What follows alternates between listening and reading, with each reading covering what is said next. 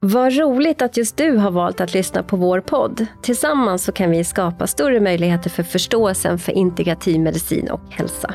Är du intresserad av det så bli gärna medlem i vår förening och en del av vårt nätverk.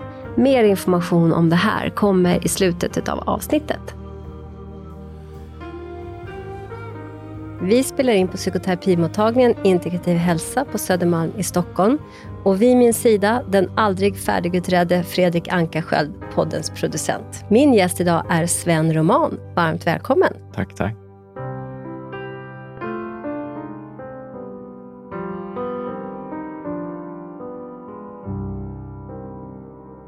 Sven, du är legitimerad läkare, specialist i barn och ungdomspsykiatri och med en bred erfarenhet av både slutenvård och öppenvård. Mm. Du har gjort över 400 läkarbedömningar i neuropsykiatriska utredningar.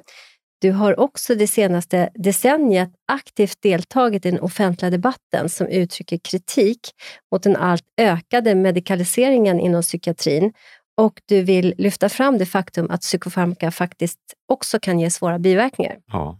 Det kan man ju tycka är lite speciellt att man inte ens eh, liksom reflekterar över. Man gör det i viss mån, men inte i tillräcklig utsträckning. Nej. Du har också arbetat för att Socialstyrelsen ska ta fram riktlinjer för neuropsykiatriska utredningar för att säkerställa kvaliteten på utredningarna. Och där vill jag bara inflika också att det trodde jag fanns. Jag tror att de håller på med det, eller så har det faktiskt kommit riktlinjer och det är inte, jag är inte riktigt uppdaterat kring det, men jag Nej. vet att de har jobbat med riktlinjer under de senaste åren, så att de kan ha presenterats. Ja, för det kan man ju tycka har ju pågått så himla länge. Det borde ha kommit för länge sedan. Ja, absolut. absolut. Ja. Mm. Du är stark kritisk till dödshjälp och då säger jag det i samma mening, blir ju lite speciellt, men också en av grundarna till läkaruppropet. Mm. Och I läkaruppropet har man velat begränsa vaccineringen mot covid-19 till riskgrupper, men samtidigt öka det fokuserade skyddet utav riskgrupper ja, för covid-19. Det är viktigt att poängtera det. Mm. Ja, vi har otroligt mycket att prata om. Och Det här avsnittet ser jag verkligen fram emot. Det blir spännande. Men får jag ställa först frågan, vem är du? Jag är skåning från Helsingborg, men jag har aldrig haft skådande R, för mina föräldrar är från Mellansverige. Och eh, gjorde väldigt mycket annat innan jag började på läkarlinjen, så jag för, försökte bli operasångare. Mm -hmm. Sen fick jag mitt första barn vid 29 års ålder och eh, skulle då söka Operahögskolan som bariton och det är det svåraste, eh, det är mest konkurrens i det röstfacket. Och min sångpedagog sa, du har så lätt för höjden, jag undrar om inte det är tenor, det är det högsta facket, det är de som tar de högsta tonerna, höga C som Jussi Björling. Och då tänkte jag att nu blev jag familjeförsörjare och då måste man ju ha liksom en, skapa trygghet för sitt barn. Så att då hoppade jag över sökningen som jag skulle göra en månad senare till Operahögskolan och försökte skola om mig. Men jag fick inte riktigt ett höga C. Då hade världen legat öppen för det är väldigt få tenorer som verkligen har ett högt C. Och då sökte jag Karolinska och så började jag på läkarlinjen vid 30 års ålder. Idag har jag sammanlagt fyra barn, två som är vuxna och eh, två som är i tonåren. Ja, vad spännande. Och när du sökte in till läkarlinjen, tänkte du dig psykiatri? Så här var det, det är lite roligt, när jag gick gymnasiet. Mina föräldrar läste Alice Miller hon ifrågasatte Sigmund Freud. Sigmund Freud. Och jag lusläste hennes böcker. Hon skrev ju en bok som heter Begynnelsen var uppfostran till exempel. Hon pratar väldigt mycket om miljöns påverkan. Och då ville jag bli psykoterapeut. Men sen kom jag ju, fick jag ju annat i hågen och det här med sången. Läkeri hade jag ingen som helst tanke på. Jag hade inte 5 och 0. Jag hade bra betyg, men inte så att jag hade så att jag skulle komma in direkt. Men när jag sen då insåg att sången inte skulle räcka till för att jag tycker att det skulle bli ett bra liv liksom, som, i, i familjen som familjeförsörjare, så hade jag samtidigt blivit förälder och det är ju det största ansvar man kan ta som människa, att, att bli förälder och det har man livet ut. Och då hade jag väl mognat som person också. Då kände jag plötsligt, för jag tycker ändå att läkaryrket är kanske det mest ansvarsfyllda yrke jag kan tänka mig. Och så fanns det möjligheten att göra högskoleprov och annat och komma in den vägen. Så att, eh, och då var nog inte tanken, då var tanken att jag skulle bli barnläkare. Och för att bli barnläkare så ska man också jobba en del inom barnpsykiatri för att bli specialist i, i pediatrik som det heter. Så efter min läkarexamen, i väntan på att få göra AT som jag skulle göra i Stockholm, och då får man vänta minst ett halvår, så var jag på barnmedicin på Huddinge eh, och provade på det. Sen så, i åtta månader, sen gjorde jag min AT och så när vi skulle ha en placering på psykiatrin så var en av åtta i gruppen fick vara på BUP hela tiden och då ska man ju ändå vara på BUP när man blir barnläkare så tänkte jag nu passar jag på. Så var jag där i tre månader. Första två månaderna hade jag inget att göra. Jag fick knappt träffa patienten en gång. Det var så att läkaren, liksom, det var psykologerna och socionomerna, kuratorerna som ville träffa patienten. Sista månaden fick jag vara på akuten och jag tänkte, hur ska det här gå? Nu ska jag både träffa en tonåring och föräldrarna. Hur ska jag hantera det här? Har jag den simultankapaciteten? Så märkte jag redan i första samtalet, men herregud vad spännande. Det finns ju hundra trådar att dra i. Vilka ska jag välja? Och så tog man då en liten paus efter en stund och sa nu får vi fundera. Och jag hade ju alltid med mig någon, det var en sjuksköterska eller mentalskötare. Och sen satt man och diskuterade, hur ska vi göra nu? Och så kom man tillbaks. Och man var tvungen att ta reda på så mycket om den här barnet som man träffade att man behövde få veta stora delar av livet. Och jag bara kände, det här är ju enormt spännande. Och det var så i varenda möte. Och så var det två överläkare på akuten som sa, har du inte funderat på att bli barnpsykiater? Och då hade jag ju sett barnmedicin och kände att det jag gjorde på barnakuten på Huddinge, det var ju bara ett eh, löpande band. Det var ju följa en kokbok. Det var vissa saker som barnen hade. Det var urinvägsinfektioner, det var hormonplitar för nyfödda, det var infektionsutlöst astma och så följde man kokboken och så. Men här var ju varenda ärende helt unikt. Plus att det var lättare att jobba deltid, jobba upp. Jourerna var inte alls så tunga som för barnläkare och det var bättre betalt. Så att jag ändrade bana och det har jag verkligen inte ångrat och jag känner än idag, varenda person jag möter, varenda ärende är fullständigt unikt. Mm, det håller jag med dig om. Och, och jag blev ju psykoterapeut då. Så jag, jag har ju också det här och jag, jag älskar mitt arbete just mm. eftersom att det är så det är så himla spännande mm. och så intressant och man möter alltid någonting mm. nytt och har möjligheten till det liksom, mm. i det här samtalet. Precis, och jag vill gärna inflika där jag hade ju en idé att bli psykoterapeut själv och sen så, så, om jag ska vara ärlig så var det faktiskt så här, eftersom jag har tänkt hela tiden att vi behöver mer av psykoterapi, mer av psykosociala insatser. Så, så tänkte jag lite krast, ja, hur ska jag bäst påverka? Ja, man lyssnar mer på en läkare än en psykolog. Så, så, så, så, tänkte jag. Sen, sen, sen var det ju så att jag ändå en period lämnade det här med att bli psykoterapeut. Men jag kan ju tycka idag som läkare så måste jag ändå ha en psykoterapeutiskt förhållningssätt. Va? Ja, det är i vid bemärkelse är det psykoterapi som jag också bedriver. Och det är ju väldigt ofta som jag liksom hänvisar till annan behandling som är psykosocial och då är det psykologerna och kuratorerna som sköter den behandlingen. Va? Det måste inte jag göra. Nej. Och det, här, det här som du beskriver är ju liksom en stor del av det integrativa som vi mm. jobbar för i föreningen, att man jobbar mm. integrativt. Man jobbar tvärprofessionellt och tvärvetenskapligt mm. och, så, och också gärna så här evidence-based medicine, att, mm. den, att eh, patientens preferenser, klinikerns expertis och så då eventuellt evidensutvärderade metoder. Alltså att det, det är då det är riktigt roligt. Mm. Och när vi kommer med olika professioner och kan tänka precis som... För när jag började också inom psykiatrin och jobbade, började som mentalskötare inom psykiatrin. Och mm. satt, jag, jag var kanske en av de här mentalskötarna som satt med doktorn. Att vi satt och pratade om och tittade på patienten utifrån olika perspektiv. Mm. Otroligt stimulerande. Att göra det och också otroligt verkningsfullt för patienten. Mm, mm. Och, och, Det tycker jag, jag vet inte hur, för nu har jag varit inom privata sektorn så mycket, men hur är det inom den offentliga? Är, får patienten det utrymmet som för kanske 20 år sedan idag? Om de får det... Alltså samma så här, alltså fokus på sig, finns den tiden? Alltså du som läkare på BUP till exempel. Får, på BUP du... tycker jag nog att jag har den tiden. Det är väl också, jag har ju jobbat länge nu. Jag blev färdig specialist 2010. Så jag har ju lärt mig liksom sålla agnarna från vetet. Jag vet ju också hur jag ska skanna av för att få en helhetsbild som, som jag vill skaffa mig. Och jag tycker, jag har jobbat som hyrläkare sedan 2015 och det berodde på att där jag jobbade dessförinnan i, i dåvarande landstinget, det, det var en så dysfunktionell arbetsplats att det inte gick att vara kvar. Varför var det dysfunktionellt? Ja, det var ett bristande ledarskap. Det var så att jag jobbade och jobbade också fackligt på den här arbetsplatsen under många år och fick ju veta väldigt mycket om hur det fungerade. Och redan då reagerade jag ju på också om det var övermedicinering, om patienter, barn fick biverkningar. På det här stället som var slutenvård, där var det väldigt mycket om ångmedicinering, som ett fint ord hette polyfarmaci. Och det var också väldigt mycket tvångsvård och väldigt mycket bältesläggningar och det här reagerade jag på det togs liksom inte i, riktigt, hamnade inte i god jord. Det hade inte cheferna kommit på, de kände sig kritiserade så att jag blev trakasserad. Mm. Så det fick för stora följder. För att du tog eh, patientens... Ja, alltså, och jag har alltid Ja. sett mig Mm. som patientens advokat. Ja. Jag har Mm. alltid slagits för alla patienter Mm. jag träffar. mm, Så, så det, blev, alltså det blev så lågt i tak så även om du kröp så slog du huvudet i taket. mm, Så jag höll ju på att gå under. mm, Så att jag har aldrig drömt om blyläkare och har väl egentligen föraktat blyläkare kan man Mm. nästan säga för att Mm. jag tycker att det behövs kontinuitet i vården. mm, Men eh, jag slutade där och eh, valde att bli hyrläkare och det är det bästa jag gjort faktiskt. Därför att jag har till exempel alltid, vi var tio överläkare på den här slutenvårdskliniken och jag var en av de mest produktiva. När jag kom min första vecka i Mora där jag hamnade så tog jag dubbelt så många patienter. Och jag kände positiv feedback från alla, från patienter och familj, familjer, det har jag alltid känt. Från de flesta, inte alla, för man når inte alla, men och från medarbetare och från cheferna. Och sen har jag jobbat alltså i, tyvärr skulle jag säga, för jag vill vara länge på ett ställe och jag var först tre och ett halvt år i Mora och sen var jag ett år i Västervik. Sen har jag fått hoppa runt sista tre åren.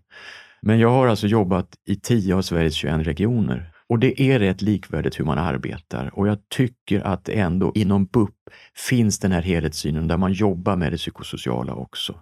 Jag tycker det. mm. Ja, det, låter, det är jättebra att det är så. Mm. Verkligen. För jag, kunde, jag, jag har en så här romantisk bild av min, mina första år inom psykiatrin, för jag tyckte att vi jobbade så tillsammans Ja, ja. och patienterna fick så mycket utrymme. Och så här, men det här är ju liksom i slutet på 90-talet. Ja, ja. Sen blev det ju den stora re- psykiatrireformen och Mm. så vidare. Så att, och, och ju, nu sitter jag på en privat mottagning men, men, eh, och får ofta höra för patienterna att de får så mycket mer tid. Liksom. Mm. Det finns ju doktorer här också. Så, Ja, och jag skulle nog säga, om jag ser till BUP, det som har hänt sista 20-30 åren, det är lite av ett paradigmskifte. På 90-talet så skrev en barnpsykiater ett recept i veckan och var psykoterapeut, precis Mm. som alla andra. Idag kan jag skriva 40-50 recept på en dag. Och jag jobbar inte som psykoterapeut och det gör ingen idag. Men i vid bemärkelse har jag ändå ett sånt förhållningssätt skulle jag säga. Eh, och det som också har, och det har gått för långt. Va? Det har blivit en, dels en överdiagnostisering men framförallt en övermedicinering. För det har ju du, ett, som jag Mm. sa i ingressen här, så det, det har ju du varit starkt kri- kritisk mot och det har- försökt. ja, det Vill jag- du berätta ja, lite ja, om... precis. Men sen tycker jag också att det har hänt någonting väldigt bra. Det är ändå att det neuropsykiatriska har kommit in. Det fanns inte förut. Synen på barn som hade svårt att koncentrera sig och som idag får då diagnosen ADHD var att det var dålig uppfostran, så fick de ingen hjälp. Där kan vi göra något helt annorlunda och det är även barn med autism. Så det tycker jag är ett stort framsteg. Ehm, men eh, man har kastat ut, lite kastat ut barnet med badvattnet.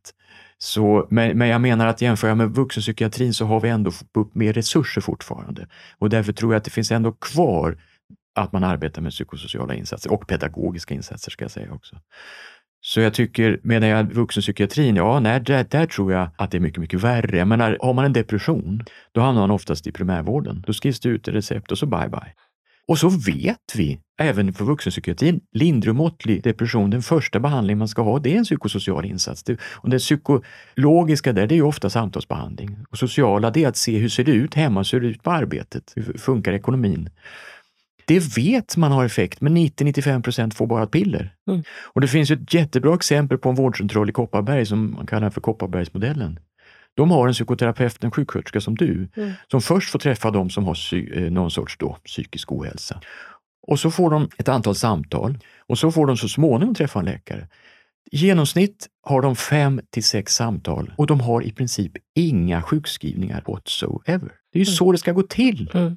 Ja, jag håller, jag håller verkligen med. Det är ju lite så faktiskt som vi jobbar här på den här mo- mottagningen. Att nu, de, de läkare, psykiatriker som är här, de, är ju, de jobbar ju också med psykoterapier. Mm. Eh, men jag hänvisar ju mina patienter efter ett tag om det behövs vidare, Mm. vilket det gör ibland. Ja, precis. Och, och det är ju det absolut bästa. För Ja. då, och, och sen, ibland så kommer de från någon av läkarna, eftersom vi jobbar med olika metoder också, Mm. olika inriktningar och sånt Mm. där. Så att, Mm.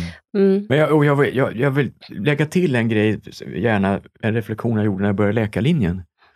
Och det gjorde jag redan, jag började 96 där, att eh, synsättet inom skolmedicinen är reduktionistiskt. Du ska ner på minsta liksom, molekylnivå, cellnivå.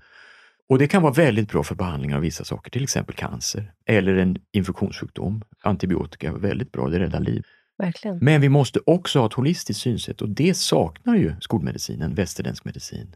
Och psykiatri verkligen, kräver verkligen ett holistiskt synsätt. Och den här synen att psykofarma, att till exempel att depression skulle bero på brist på serotonin. Det är fullständigt fel och dessutom är det infamt och dumt. Därför att ju... tro att ett enda ämne skulle göra att du får en depression, då tror man att människan är en dator. Va? Det är, så, det är så korkat synsätt. Mm, mm. Men det ligger väl i det här att man försökte komma på något sätt till att, att uh, bli jämställd med den somatiska vården. Kommer det inte därifrån, en gest därifrån i alla fall, att försöka liksom, eller är jag fel ute? Det kanske gör det, men det är också drömmen om pillret som ska rädda allting. Mm. Alltså, det har mm. funnits sen människans begynnelse. Mm. Och, och, så tycker jag att det är hjärnan, för det är ju hjärnan, psykiatrins sjukdomar utspelar sig i hjärnan. Det är där vi har våra tankar och känslor och allting den är så komplex. Vi har ju miljarder förbindelser mellan våra neuroner, alltså hjärncellerna.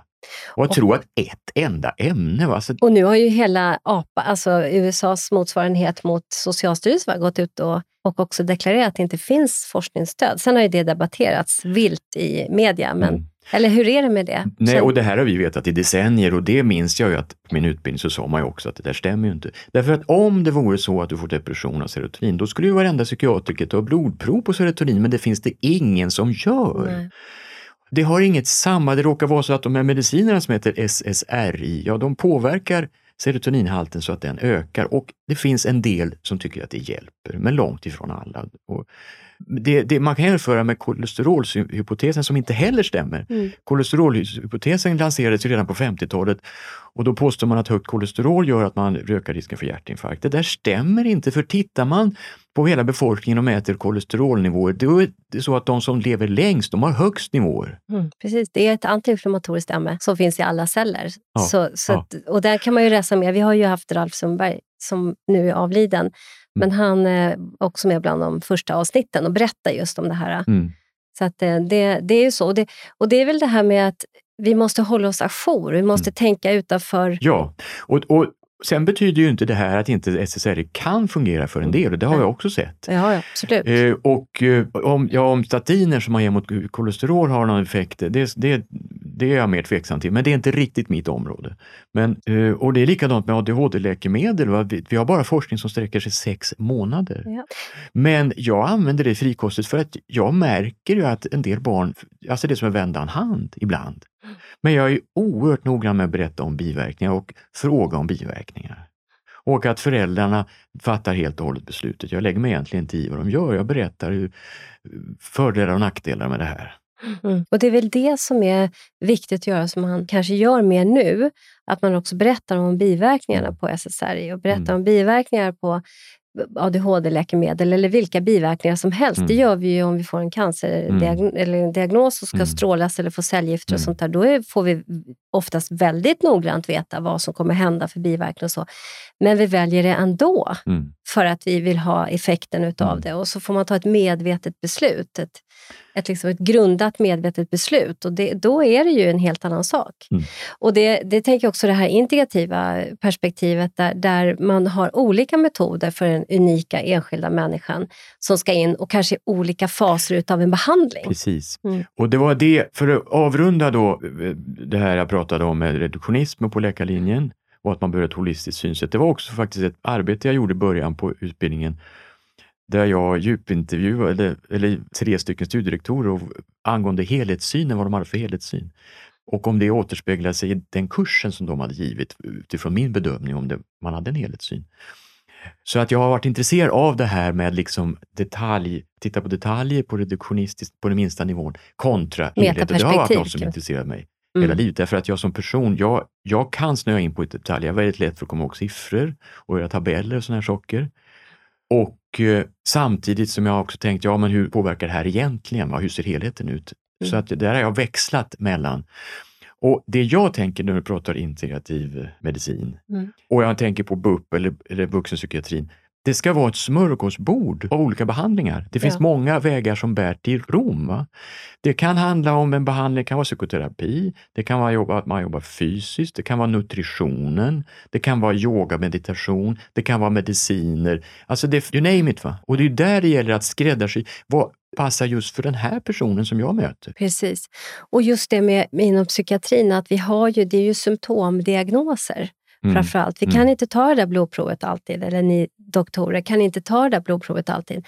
Jag, när jag eh, blev färdig psykoterapeut, så min kandidatuppsats handlade om ADHD, om eh, eh, anknytningsmönster ja. ank hos föräldrar till barn ja, vars nyligen fått en diagnos ADHD. Ja, och då, då gjorde jag en så kvantitativ studie på 30 föräldrar och då visade det sig att 97 procent utav föräldrarna hade otrygga anknytningsmönster. Aha.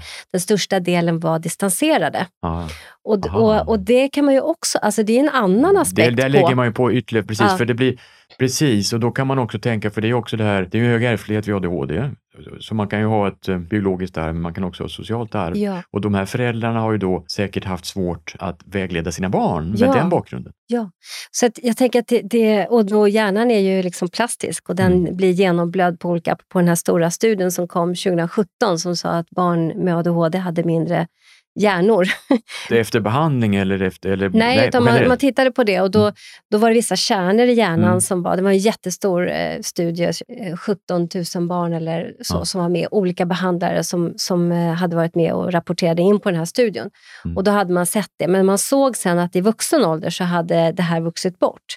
Och det, det diskuterade vi då i ett seminarium på det här mm. ADHD. Hur som, så, så eh, Thomas Ljungberg och några stycken till Marianne Cederblad till exempel, mm. och här, diskuterade den här studien mm. och, mm. och, och liksom fram och tillbaka vad det var man egentligen hade sett.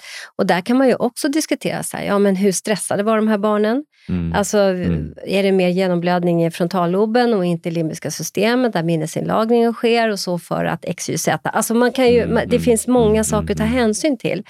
Och, och så vidare. Så det är det som där det här mer komplexa eh, kommer in. Mm. Det komplexa och det krångliga. Och som jag tycker just psykiatri, för jag, jag jobbade först, min första tid som sjuksköterska inom geriatriken. Mm. Just det här med polyfarmakologi och sådär, att, det, mm. att det, det, det är så mer så klurigt. Man måste ja. tänka ja, men det är kring klurigt, olika... Men, men sen finns det också ett synsätt som är lite, man också förbiser, därför att när man då vill ge en medicin som ska påverka ett ämne, till exempel serotonin i hjärnan, Ja, då gör man det, liksom går in och påverkar inifrån. Men vi påverkas ju av allt som sker utifrån också, våra intryck och våra samspel med andra och det påverkar också serotoninnivåerna. Jag menar, det råkar vara så att hjärnans sätt att prata är kemi. Precis. Allting vi gör nu, mm. det är massa kemi som händer i våra hjärnor när vi pratar med varandra. Ja, precis. Men det påverkas ju också av den respons vi får av varandra mm. och, och, och, hur vi, av miljön. Va? Så det är ett samspel, så därför kan man inte säga att för att man Därför blir det så förenklat att säga att om, om serotonin är inblandat, vilket då bara är i begränsad utsträckning, att det då är en biologisk grund för depression, så att säga. Va? Det blir också, jag, jag tycker för mig, den modell jag använder mig av, om man nu vill prata om arv och miljö, så är det stress-sårbarhetsmodellen som kom på 1800-talet. Ja. Vi föds med olika förutsättningar. Och det kan gälla allt möjligt. En del har snabba muskelfibrer och blir, kan bli bra sprinters. De kan aldrig bli bra maratonlöpare. Men de som har väldigt mycket mitokondrier i sina muskelfibrer kan bli bra maratonlöpare. När det gäller till exempel kognitiv begåvning så är det också hög grad av ärftlighet. Och det här gäller ju också att vi har en viss grad av ärftlighet när det gäller risken för att få psykiatriska tillstånd. En del föds som är ganska ängsliga av sig. Andra har alltid med sig den här ängsligheten. Andra eh, är modiga, lite sensation seekers, vågar göra saker, agerar först och tänker sen lite grann. Ehm, och eh, någon tredje kanske föds väldigt eh, mentalt stark. Jag tänker på de som var i koncentrationsläger och efter varit med om det kanske mest fasansfulla man kan tänka sig, fick väldigt bra liv efteråt. Medan andra var för förstörda resten av livet. Så det här är väldigt olika och det är det man pratar om stress sårbarhet. Så att vi har en sårbarhet och den tycker jag är väldigt bra för man ser till exempel på depression eller ångesttillstånd eller vad som helst. Har man en hög grad av sårbarhet behövs det inte så mycket för att, bli, för att det ska bli så mycket symptom att det blir ett funktionshinder. Men har du låg grad av sårbarhet då kan du tåla väldigt mycket. Mm. Och det där visar också, tänker jag, att arvet finns där och sen är det miljön som ska till också. Det är ett samspel hela ja, tiden. det är ett samspel, absolut. Och jag, jag har följt Gabor Maté, mm. vet du psykiatriker Gabor Maté. Mm. Han har ju han eh, föreläser världen över just nu om trauma, mm. komplext trauma. Mm. Eller mm. just det här med att, att, vad är det som gör att vi blir traumatiserade? Mm. Mm. Och just det här med stress och sårbarheten, mm. men också det här att när det händer, mm. om vi är ensamma med upplevelsen, mm. det är då det blir ett trauma. Det är inte alltid intressant för vad som just hände. Och då tänker jag så att miljön, om du är ensam och du kanske är ensam, ensam i dig också, då blir ju det där som händer dig väldigt, väldigt mycket större ja. eftersom du får inte den hjälp med stressreducering som till exempel en anknytningsperson ska kunna hjälpa dig med. Och då, och då har vi ju liksom det här med miljön. Mm. Och sen så kan ju det vara en sårbarhet utav mm. både biologisk sårbarhet men också en sårbarhet rent psykosocialt för vi har inte haft det kanske från början heller. Nej. Eller så har vi haft det. Mm. Vi har förlorat våra föräldrar i ett krig eller någonting mm. annat och fått en väldigt, väldigt exponering av stress till exempel. Och så blir nästa händelse ännu svårare och så vidare. Mm, mm.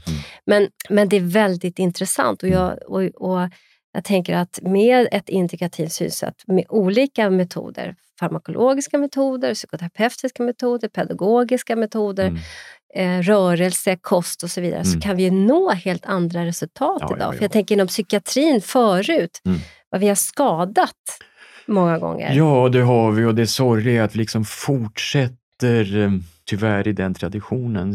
Psykiatrin har en historia som är vedervärdig. Alltså. Vi, mm. har, vi har lobotomin, vi har eh, vad man gjorde i Sovjet, där man skickade alla som inte trodde på kommunismen till mm. psykiatriskt, till mentalsjukhus. Och vi Tvångssteriliseringar, iskalla bad. Alltså... Det, ja, vi har det tidigare, just det med mm. insulinchock och så vidare. Men det som lite grann hänt idag, tycker jag då, det är ju att vi har blivit Ja, det har blivit, vi har inte lobotomi, men vi har faktiskt ibland kemisk lobotomi. Mm. Tyvärr. Mm. Det, och då, det är farmakologiskt då, tänker du? Ja, mm. precis. Att, mm. att det, det, det, det, har vi faktiskt idag. Vi har, när det gäller den tuffaste diagnosen som jag tycker finns, alltså schizofreni, så vet vi att medellivslängden är 20 år lägre än för alla övriga. Och det beror tyvärr i hög utsträckning på medicinerna. Och det är ju ni ganska överens om, ni psykiatriker. För den, mm. det tänker jag just på Alan Frances som eh, mm. vi tog hit inom föreningen. Han, första gången jag lyssnade på honom så var det familjeterapiföreningen som hade mm. tagit hit honom.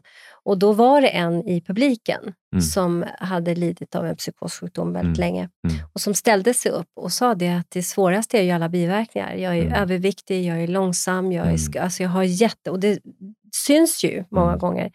Och då, då pratade just Alan Francis om det som, för den som lyssnar, är en, en av kanske världens mest kända psykiatriker mm, och var mm. chefredaktör för DSM-4 och så, och så vidare.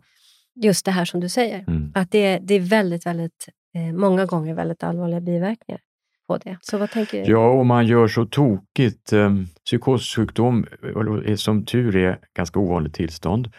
Många feldiagnostiserades eh, före 1990-talet därför att det inte fanns autismdiagnos. Det är många som hade autism som hamnade på mentalsjukhus livet ut. Så att förekomsten av schizofreni har sjunkit från att man sa att det var 1% till att den kanske ligger på 0,6 idag eller någonting och det är bra. Men jag tror att den är ännu lägre. I Finland, i Österbotten, finns det en man som heter Sekula. Jaku Sekula. Ja. ja han är en... Vad är hans profession? Alltså, är han psykolog? Jag, jag tror att han är psykolog ja. och psykoterapeut. Ja. Hela hans organisation, han hade ju, men det känner ju du till förstås, utbildade ju alla till psykoterapeuter. Just det. Och där är det ju så fantastiskt, därför att när det kommer en nyinsjuknad med psykos, och det är ofta unga vuxna, det är mellan 18 och 25 års ålder som är vanligaste insjuknande ålder, då samlar han hela nätverket anhöriga, vänner, arbetschefer och så vidare. Och så får de diskutera tillsammans, vad står det här för? Mm. Vad är det som händer? Mm. Man sätter inte in någon medicin, möjligtvis kanske någonting för sömnen, men mm. inte någon av de här tunga mm. neuroleptika som det heter. Mm. Hur kan vi bidra till att den här personen klarar sig ur det här? Ja, och det visar sig att i Österbotten har man jämfört med övriga Finland mycket lägre förekomst av diagnos psykossjukdom eller schizofreni och mycket lägre förskrivning av neuroleptika. Mm. Och jag tror att hans, han har gjort mycket studier, mm. eller var det så det startade hela mm. det här projektet. Nu kommer jag faktiskt inte ihåg procenten, men jag har för mig att det var uppåt en 60 procent ja. utav reducerade diagnoser. Ja, och det här skulle gå att tillämpa i hela världen. Jag har mm. själv arbetat på en speciell psykosenhet i Stockholm några år eh, Eh, som var världsunikt, första i världen som startade eh, för misstänkt psykos hos eh, barn och unga. Och vi fick remisser från öppenvården. Och jag lärde mig väldigt mycket på det där för att vi använde sju skattningsformulär, bland annat några man fyllde i papper och så ett skattningsformulär som görs i databaserat som heter DAVBA som tar upp i stort sett alla diagnoser inom BUP. Och det hade då både föräldrar och familjemedlemmar följt i. Och så träffade jag dem tre gånger, tre, tre tim, en timme varje gång. Och så gick jag igenom noggrant varenda skattning de hade gjort. Och då var det bara 10 till 15 procent av de som jag träffade som skrevs in på vår enhet. För de flesta hade inte det här. Utan det fanns ju andra skäl och jag fick en sån fantastiskt bra bild av vad som var problemet. Så att jag fick ju ofta idéer så att jag skvarade ju remissvaret till öppenvården att nej, det här uppfyller inte kriterierna för våra tillstånd. Men det här skulle man kunna behöva jobba med. Det här kanske det handlar om och så vidare. Mm. Så att det är en, en, en rar ärta, brukar vi säga, när det är någonting ovanligt. Och psykossjukdom är en ovanligt tillstånd. Och om någon har det så tycker jag man ska ha det förhållningssättet som Sekula har. Man ska undersöka vad står det för. För vad är det de, någonstans är det ju så att det psykologiska försvaret har rämnat hos den som har en psykossjukdom. För det innebär ju att man har upplevelser som inte har med verkligheten att göra. Det, man kan jämföra med när man drömmer, för då är det också utanför verkligheten, men det här gör man på dagtid vaken. Någonting har rämnat och det skulle man ju försöka ta reda på. Och vad står symptomen för? För många gånger kan de berätta någonting. Det, det borde exakt. man undersöka tillsammans. Ja. Men istället så säger man, du uppfyller de och de kriterierna, det blir mm. den medicinen, bye bye. För det var det som jag tyckte när jag jobbade som mentalskötare då i slutet på 90-talet. Då satt jag ofta vak.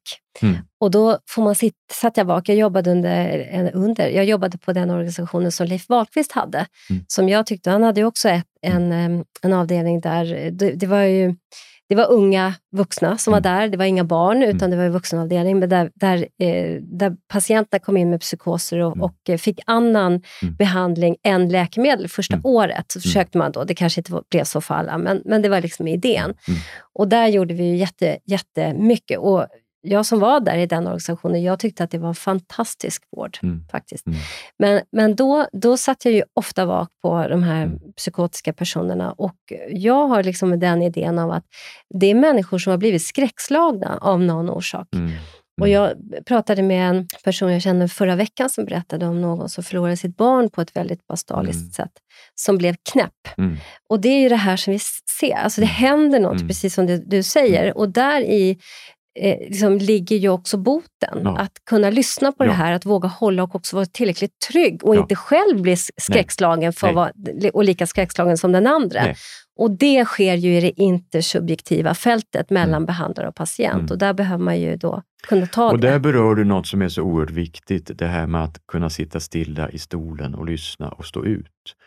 För vårt arbete handlar ju väldigt mycket handlar om att härbärgera ångest. Ångest och oro som patienterna har som kommer till oss. Och det som jag som psykiater har också gått en grundutbildning i psykoterapi, för det gör man.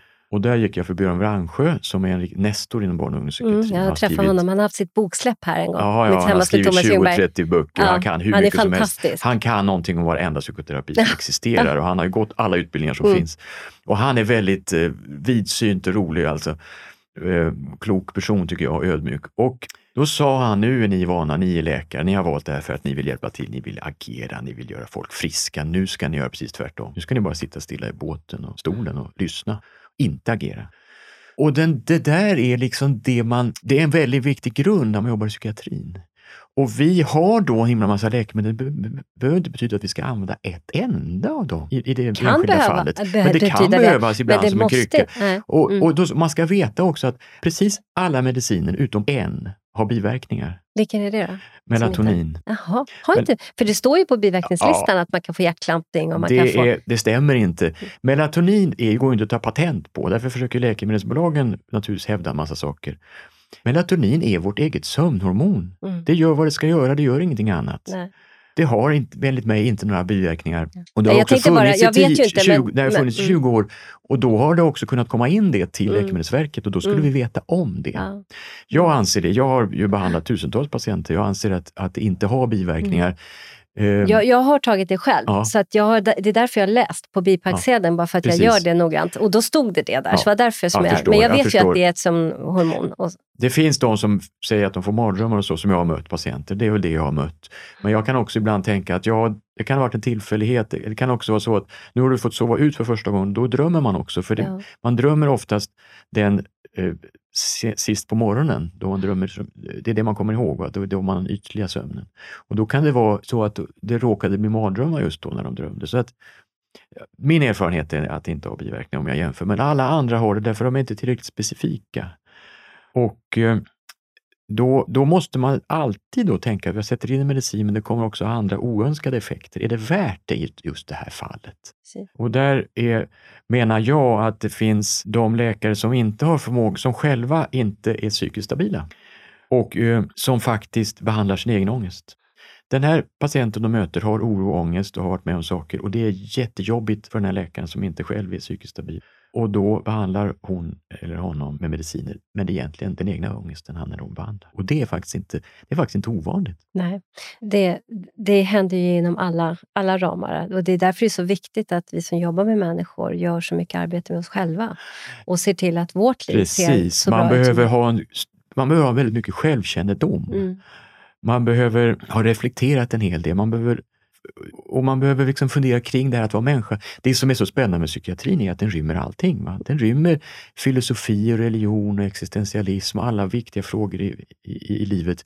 Och de här symptomen som man har för olika psykiatriska tillstånd, vi har ju dem allihop i någon utsträckning. Men i det här fallet, för, för de som söker oss, där blir det ett funktionshinder. Där blir lidandet för stort. Blir, ja. Mm, Men vi har alla liksom, och det är också apropå det här med psykossjukdom, om, om vi tre som sitter här nu, skulle tving, man skulle hålla oss vakna i flera dygn, då skulle sannolikt någon av oss få psykotiska symptom. Yeah.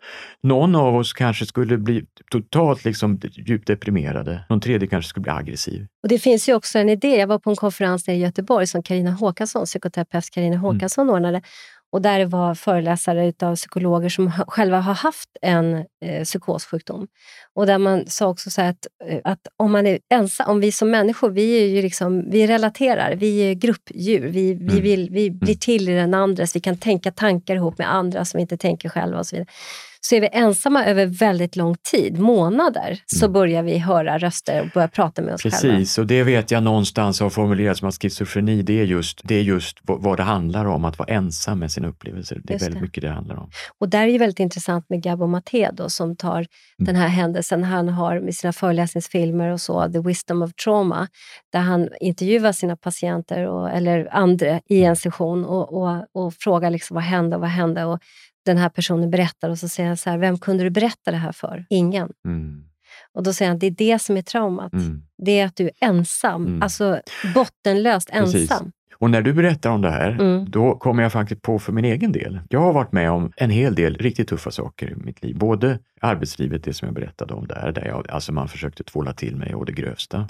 Och även privat. Men jag har haft människor att prata med. Jag har haft föräldrar, syskon, vänner. Jag har själv gått i psykoterapi i långa perioder.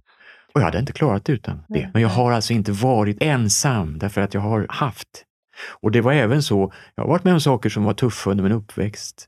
Men jag har haft närstående som jag kunnat prata med. Ja, och jag, och jag förstår eh, precis det skillnaden som du säger, för att jag har varit en sån som var ensam. Mm. Så jag har mm. ju också gått i, i långa mm. behandlingar och också gjort det till min till min specialitet ja. efter att ha läkt det, för att jag förstår vad ja. som händer när man är helt ensam. Just det, just det. När någonting svårt händer mm. och, och hur, vad det gör med oss. Mm. Så, mm. Ja. Mm. Men det går att läka från det och det går verkligen att hitta sin styrka genom det. Mm. Mm. Men det är en fundamental skilja att ha någon. Och där har ju psykoterapin varit ovärderlig för mig, när jag mött de här äh, personerna. som... Och jag tänker, det är ingenting som är nytt heller. Vi har Barbro Sandin. Jo, absolut. Oh, ja. Barbro Sandin, mm. när jag läste Alice Miller och så vidare, så var det ju Barbro Sandin som tog vid de tankarna. Va? De fanns ju där. Så det har jag ju med mig i, i botten. Sen kan jag tycka kanske att Alice Miller påstod att allt berodde på miljön. Det kanske blev lite mm. slagsida, mm. det tycker ja. jag. Mm. Men att ha med sig det mm. också, det perspektivet, det tror jag är jätteviktigt. Ja, alltså vår hjärna känner ju av allting. Går vi ute på gatan här till exempel och så mm. tittar vi ner i vår mobiltelefon och så kommer en lyktstolpe. Ofta, någon gång ibland kanske vi går rakt in, men oftast gör vi inte det. det vi registrerar liksom mm. saker och ting som pågår och vi registrerar varandra hela tiden. Och vi liksom, skulle jag ställa mig upp här nu och börja skrika eh, Ice till dig så skulle ju kemin i dig ändras direkt mm. mot hur vi har det just nu när vi mm. pratar med varandra. Mm. Så det är klart att miljön har påverkan. Mm. Men sen har vi som sagt våra sårbarheter också. Mm. Så att, och Det är så intressant och det mm. är så verkningsfullt när man möter människor och kan, kan möta människor mm. på det här sättet. Ja. När, jag, när jag satt och tänkte på vad jag skulle kalla det här avsnittet så tänkte jag att jag ska kalla det för Dr. Sven Roman, den engagerade psykiatriken. Den arga psykiatriken tänkte jag först skriva, ja, ja. apropå den, den arga läkaren som ja. var på... Men, men, men du är inte liksom arg, du är engagerad. Mm. Eller hur? Mm. Du, mm. med allt det här som jag läste i ingressen också. Du är mm. engagerad och det du började med med vårt mm. samtal var det här att jag blev familje, en ansvarstagande familjefar. Mm. Mm. Att bli läkare är nog det mest ansvarsfulla yrket jag känner till. Mm. Och, och sen har du också gått in i de här olika, du pratar med Socialstyrelsen om riktlinjer för neuropsykiatriska utredningar. Mm. Du har haft åsikter med de så kallade apatiska barnen mm. och att det blir en politisk fråga. Mm. Eh, farmakologiska bieffekter och så vidare. Du, du, liksom, och du, du är emot, och så läkaruppropet. Ja att du också är en av de som startade läkaruppropet. Mm. Ni är ju flera stycken. Vilka mm. är det som står bakom det? Vi är tre stycken läkare. Det är jag, det är Nils Dittorin som har doktorerat också och som dessutom blivande specialist i psykiatri. Och så är det Sebastian Rushworth som är AT-läkare i Stockholm. Mm. Vill du nämna kort vad det är för någonting? Ja, jag har ju är... också varit med och skrivit under det. Ja, det är, det är ett svar på The Great Barrington Declaration som lanserades i oktober 2020 av tre professorer, eh, två i epidemiologi och alla vid anrika universitet, Oxford, Stanford och Harvard och en svensk, Martin Kulldorff, som då jobbade i, på Harvard. De pratade om att man borde ha ett fokuserat skydd för eh, riskgrupperna, 65 och äldre, de med eh, riskfaktorer. Men att man i övrigt borde eh, inte stänga ner i samhället. Och eh, vi, på initiativ faktiskt av en, en körledare som eh, dessutom hade sjungit för samma sångpedagog som jag, han kontaktade mig i slutet på 2020 och tyckte att vi skulle starta en svensk motsvarighet. Och han var väldigt ihärdig. Och det här var ju då i, när pandemin kom. Ja, och säga. innan vacciner hade ju inte... Ja, de, de släpptes i slutet på mm. december Så det hade 2020. ju samröre med den, den samhällstransformationen eh, som ja, genomgick. och jag hade med, varit med och mm. debatterat ganska mycket och skrivit mycket på Twitter om när pandemin inleddes och tyckte att det var reaktionerna var alldeles för kraftfulla, att dödligheten inte var så hög. Och eh, att lockdown tyckte jag liksom, det är fullständigt vansinnigt för det har vi aldrig gjort i världshistorien. Och hur, hur ska man kunna stoppa ett luftväget, luftburet virus som muterar hela tiden genom att stänga ner det? Det fungerar ju inte. Ja. Och med den ekonomiska risken som säkert den här skyhöga inflationen har Ja, det har fått med. väldigt mycket konsekvenser mm. av det som sker idag beroende ja. på pandemin. Ja. Men han var ihärdig den här körledaren, så skrev han själv ett utkast till deklaration och så tänkte jag, äh, nu får vi göra någonting. Så att i mars 2021 så lanserade vi läkaruppropet och vi hade samma mål, alltså vaccinera bara 65 plus och riskgrupper, fokuserat skydd och inte införa några vaccinationspass eller vaccinationsbevis. Och vi var då tre läkare och fick på några dagar flera tusen signaturer och så småningom var vi uppe i ja, 7-8 tusen och så. Och vi lanserade genom en artikel i Expressen. Sen har vi fortsatt eh, och, och eh, så småningom har läkaruppropet förändrats i och med att man i februari deklarerade att restriktionerna, alltså februari i år, skulle släppas helt och hållet. Så nu har vi, följer vi mycket det här med vaccinen och vaccinbiverkningar och vi har eh, också skapat ett nätverk som heter Biomedico Legala nätverket. Och det är, vi är 110 personer och 60 läkare och 20-25 jurister och så är det medicinska forskare och andra akademiker. Och där du också finns med i detta mm. nätverk för mm. övrigt. Och, eh, vi, vi har bestämt att ha en lite ny vidare inriktning, så förutom att bevaka ändå vaccinen så vill vi också eh, kämpa för mer av eh, hälsobefrämjande åtgärder och också att alla behandlingar ska utvärderas vetenskapligt men att det ska inte finnas några särintressen när man gör de här utvärderingarna. Mm, viktigt. Och nu kommer vi faktiskt snart, vi kommer att lansera Biomedico-legala nätverkets eh, ny hemsida också, mm. tanken. Så den som är intresserad av det får Ja, och, så då har vi alltså en lite bredare mm. approach kan ja, man säga. Just det. Och då ska ju verkligen förtydligas att i det här så är det inte mot, utan det är nyanserad mm. eh, förståelse för det som att, inte, att eh, det finns liksom en, en nyanserad grund till en förståelse för att man ska, hur man ska använda sig av vacciner och annat. Eller hur? Ja, och vi tycker ju Det som är så väldigt märkligt är att det är grundläggande immunologisk kunskap, medicinsk kunskap som vi har skaffat oss under hundratals år har kastats över bord. Vi vet att genomgången infektion nästan alltid ger en långvarig och bred immunitet. Och det visade sig ganska snart att det gällde för covid-19 också. Ändå ska alla vaccineras. Det finns ingen anledning att vaccinera de som haft infektionen. Nej. För att risken överstiger nyttan, ja. till exempel. Och Man ska också ha i åtanke att det här är vaccin som tagits fram på två och en halv månad. Normalt tar det tio år. Mm. Och de är fortfarande i en studiefas. Mm. Fas 3 och fas 4 av den kliniska fasen. Mm. Och då betraktar man, när man lanserar ett nytt läkemedel, läkemedelsföretagen när de gör det, då har de noggranna protokoll. Då tar man blodprov och tar reda på alla symptom försökspersonerna har innan de får medicin. Sen följer man upp det efter en vecka, två veckor, fyra veckor. Och varenda biverkning som uppstår betraktar man som orsakad av medicinen tills motsatsen är bevisad. Och det borde man göra här också. Mm, absolut. Med tanke på narkolepsikatastrofen efter Pandemrix. Med tanke på att vi hade en sån katastrof. Mm. Och också med tanke på att Anders Tegnell var högst ansvarig för den katastrofen, mm. så borde han ju ha lärt sig en läxa, ja. man. Ja. Så att vi följer utvecklingen, men jag mm. tänker att det är så lätt för den jag tror inte att samhället är så, on, jag tror inte att samhället är så onyanserat längre. För det var ju väldigt så här polariserat där mm. ett bra tag. Jag upplever i alla fall att det här går att prata om på ett annat mm. sätt. Mm. Och att, att, man, att det ska vara en självklarhet att jag med, mina, med min, vad jag väljer måste mm. stå för mig och vad du väljer står för dig. Ja. Och det är ju ändå så att varför vi har vaccinerat oss sen liksom väldigt många år tillbaka är ju för att till exempel när jag åkte till Brasilien med mina barn och min mm. dåvarande man, så vaccinerade vi oss mot vissa sjukdomar som fanns där. Mm. För att inte för att vi, kom, vi, vi riskerar i väldigt hög utsträckning att bli utexponerade, men inte få det.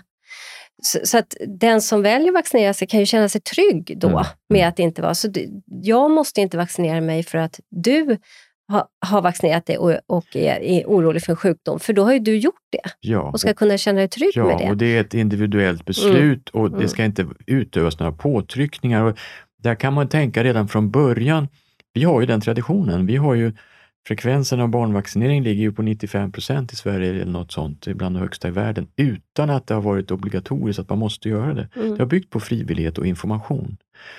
Och här borde man ha dragit öronen åt sig ganska tidigt när det blev kampanjer för att vaccinera sig på det sätt som gjordes och när det, kändisar gick ut i det som heter kavla upp. Men det här är ju ett beslut som är frivilligt och vi har våra myndigheter som informerar. Det räcker väl långt väl? Mm. Och så snarare gå ut och ta, tala om att, precis som man gjorde också i och för sig, att vara hemma om du känner dig sjuk och, och, ja, och så vidare. Och det kan jag ju tycka som har inte, ja, du har ju också, vi har ju barn ungefär mm. samma ålder nu, ja. att jag har ju tyckt när de var i dagisåldern att jag tycker att föräldrar ska ha sina barn hemma i mycket större utsträckning ja. än, att, än att de ska smittas, åt, smittas och smittas och smittas på dagis till exempel. Ja. Så jag tyckte att det här kan ju generera bra saker också ja. för barn, för det är inte bra för barn att vara sjuka hela tiden. Och man stoppar in Alvedon så går de till dagis och så tar man hem sin sjuka mm. unge. Utan man måste ju liksom repa sig, mm. vilket jag tyckte var en överdrift förr då, att man liksom mm. kan gå i vilket skick som helst och även vi vuxna går till, sjuk, till, till jobbet fast vi är sjuka och så vidare. Mm. Vi behöver ju vila när vi är sjuka. Mm, mm. Så det fanns en viktig kunskap att lära sig också om det här som kunde vara en positiv del. Men att man tar hänsyn gentemot andra och ser till att ta ansvar och, och så vidare. Men också så här som jag hade velat att hälso eh, vårdsmyndigheterna skulle gå ut och säga så att ja, se nu till att ta hand om er. Mm. Sov ordentligt, ät bra mat, mm. gå ut i friska luften, motionera så, mm. att när, så att ni har så bra utgångsläge ja, ja, som ja. möjligt att när ni blir, om ni blir sjuka, mm. inte behöver söka vård i första, istället för att vara inlåsta och rädda. Just det. För det vet vi ju att immunförsvaret åker ner fotknölarna om vi också går omkring och är skräckslagna ja, ja. hela tiden. Oh ja. Då, hanterar, då är det andra Nej. processer på gång. Nej. Så där tycker jag att man hade mycket att önska, apropå integrativ medicin och mm. hälsa. Att liksom, och där gick ju några ut också och försökte göra det här, men blev ju ganska mm. Hårt oh ja, nej, men Man pratade ganska lite hur man kunde stärka sitt immunförsvar ja. och man skulle mm. kunna göra mycket mer. Man skulle också kunna se till, det finns ju en rekommendation att alla över 75 år ska ta D-vitamin i viss utsträckning, men det skulle vara mycket högre doser och det här borde alla göra. Ja. Jag har börjat göra det nu mm. dagligen, mm. mm. därför att man vet att det är viktigt för immunsystemet. Jag tar både D och C-vitamin och zink och magnesium, för jag har insett det. Jag har tidigare bara tyckt det var nys, va? humbug. Mm. Men nu har du tagit del av forskning ja, som har visat. Och det, precis. Och, och sen så tycker jag det som hände som jag tycker var fruktansvärt sen, det var ju diskrimineringen av ovaccinerade. Man pratade om pandemi bland de vaccinerade. Eh, förlåt mig, diskriminering av ovaccinerade. Man pratade om en pandemi bland ovaccinerade, eh, vilket inte överhuvudtaget stämmer. Och, och man införde vaccinationsbevis, vaccinationspass och det var, det var en diskriminering som jag aldrig trodde skulle ske i, i vårt land. Alltså. Och vår statsminister säger, ja du ska nog passa dig om du inte vet om den här personen är vaccinerad så ska du nog ta en krampaus. Det är helt vedervärdigt, tycker jag. Ja, det är lätt näst, ja verkligen det är det. Det, det är det faktiskt. Vår ja, statsminister, mm. landsmodern, säger mm. så. Mm. Det är okunnigt, det är det det är. Det är okunnigt. Ja, särskilt som det inte visar sig att smittorisken var högre. Nej. Snarare kanske tvärtom, därför att de som vaccinerade trodde ju att de inte kunde smitta. För det, det, det fanns ju inom läkaruppropet, fanns mm. ju eh, de här det kom ju ganska, eller ganska snabbt, men det kom ju sen forskningsunderlag senast jag var där och det är ett bra tag sedan. Då fanns det 140 vetenskapliga artiklar som visade på att naturlig immunitet... Ja, och idag är de ännu fler. Ja, ja men det är det jag tänker, att det, det är det. Att, att det och det är ju, inte, det är ju liksom gammal kunskap. Ja. Att det är på det sättet. Och så unik och fantastisk som våra kroppar är, som hela tiden vill överleva. Det är ja, klart att de hittar på ett sätt att kunna liksom försvara sig mot det här på ett bra sätt. Och, och, ja. Så att det finns mycket, men vi får, följa, vi får följa utvecklingen och ta ett nytt samtal om det här, mm. tycker jag. För mm. det är väldigt, väldigt intressant. Och också nu med post-covid mm. och så vidare. Tiden går väldigt fort. Nu, nu min eh, ald, aldrig ut, färdigutredda poddproducent vinkar och mm. säger att vi har bara några minuter kvar. Men Eh, jag har ju många saker jag egentligen vill fråga dig mm. om vidare, så jag kanske får bjuda in dig igen, apropå ja, ja. med att prata också post-covid och följdverkningar i samhället och så vidare. Men är det någonting du själv skulle vilja lyfta i vårt samtal innan vi avslutar?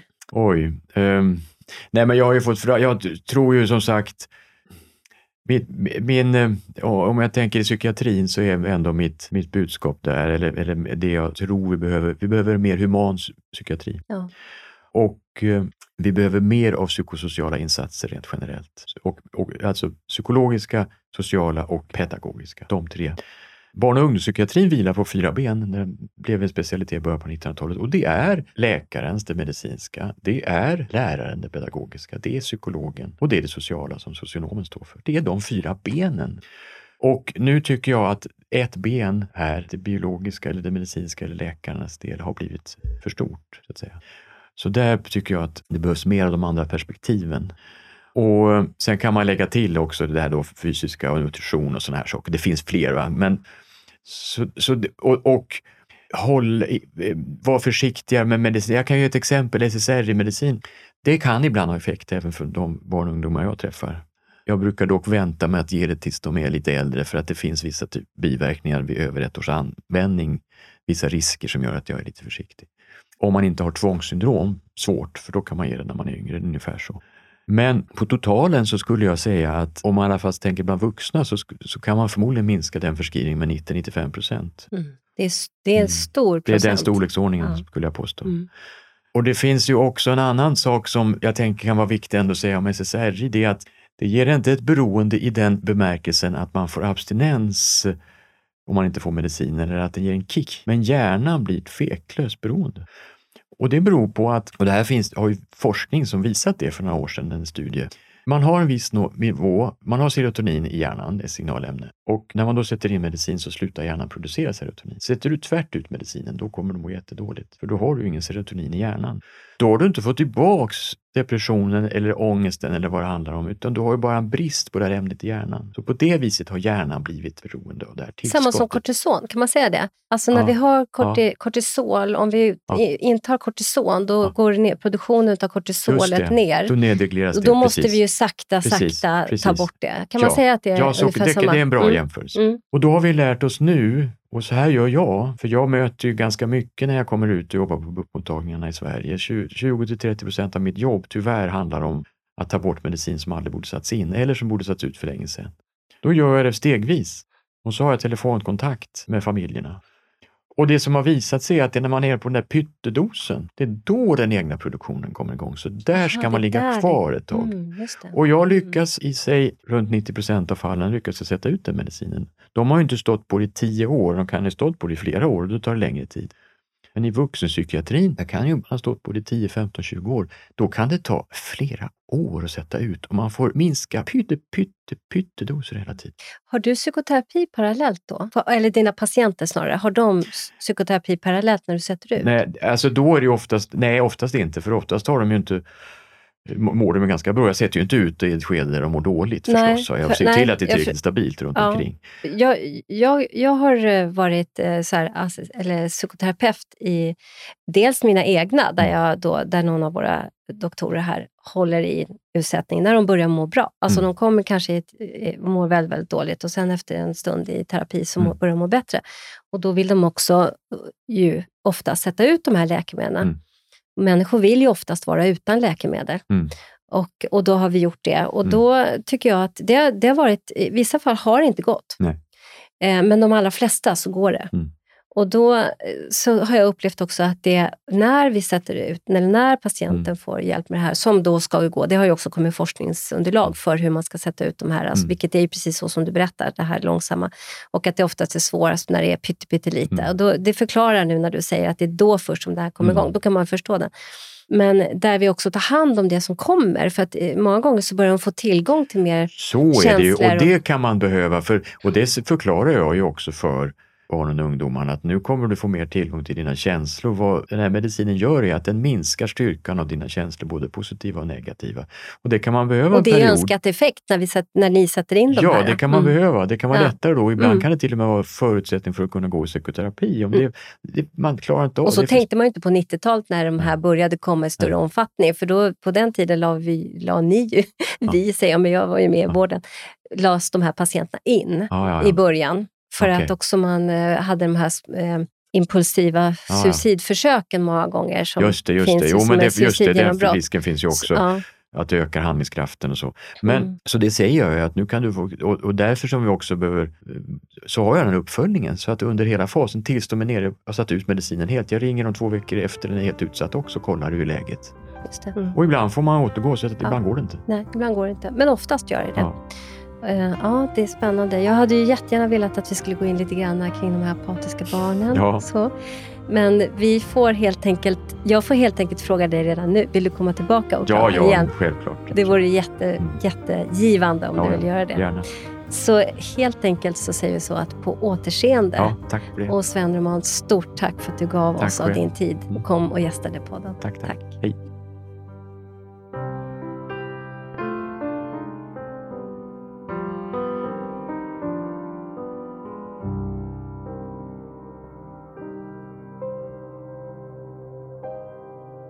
Både och istället för antingen eller, en podd om integrativ medicin och hälsa är skapad och drivs av Svensk förening för integrativ medicin och hälsa, FIM. FIM är ursprungligen en yrkesförening för legitimerad vårdpersonal. Vi representerar sjuksköterskor, dietister, fysioterapeuter, läkare, psykoterapeuter, psykologer, tandläkare för att nämna några. Idag omfattas våra medlemmar även av associerade medlemmar som inte behöver vara legitimerade. Föreningens arbete vilar mot den vetenskapliga grund för integrativ medicin och hälsa som finns, såväl svensk som internationell och på systemisk förståelse av människan i sin miljö. Vår förenings arbetssätt har hittills varit att arrangera konferenser, seminarier och folkbilda genom att sprida information, exempelvis via sociala medier. Vår strävan inom integrativ medicin är att vara en organisation som vågar lyfta och ifrågasätta, motverka polariseringar genom tvärvetenskapliga dialoger och sokratiska samtalsregler. Vi vill kartlägga forskning som bedrivs, även internationellt, och hålla koll på aktuella forskningsresultat om behandlingsmetoder, både vad det gäller den etablerade vården liksom den vård som bedrivs utanför den etablerade vården. Sokratiska samtalsregler innefattas i den sokratiska samtalsformen som egentligen all grundläggande kunskap är sprungen ur, men som ibland till och med lyser med sin frånvaro i dagens public service. Så bli gärna medlem hos oss, för tillsammans kan vi förändra. Och hur du blir medlem hittar du via vår hemsida integrativ-medicin.se. Vi ses och hörs i nästa avsnitt.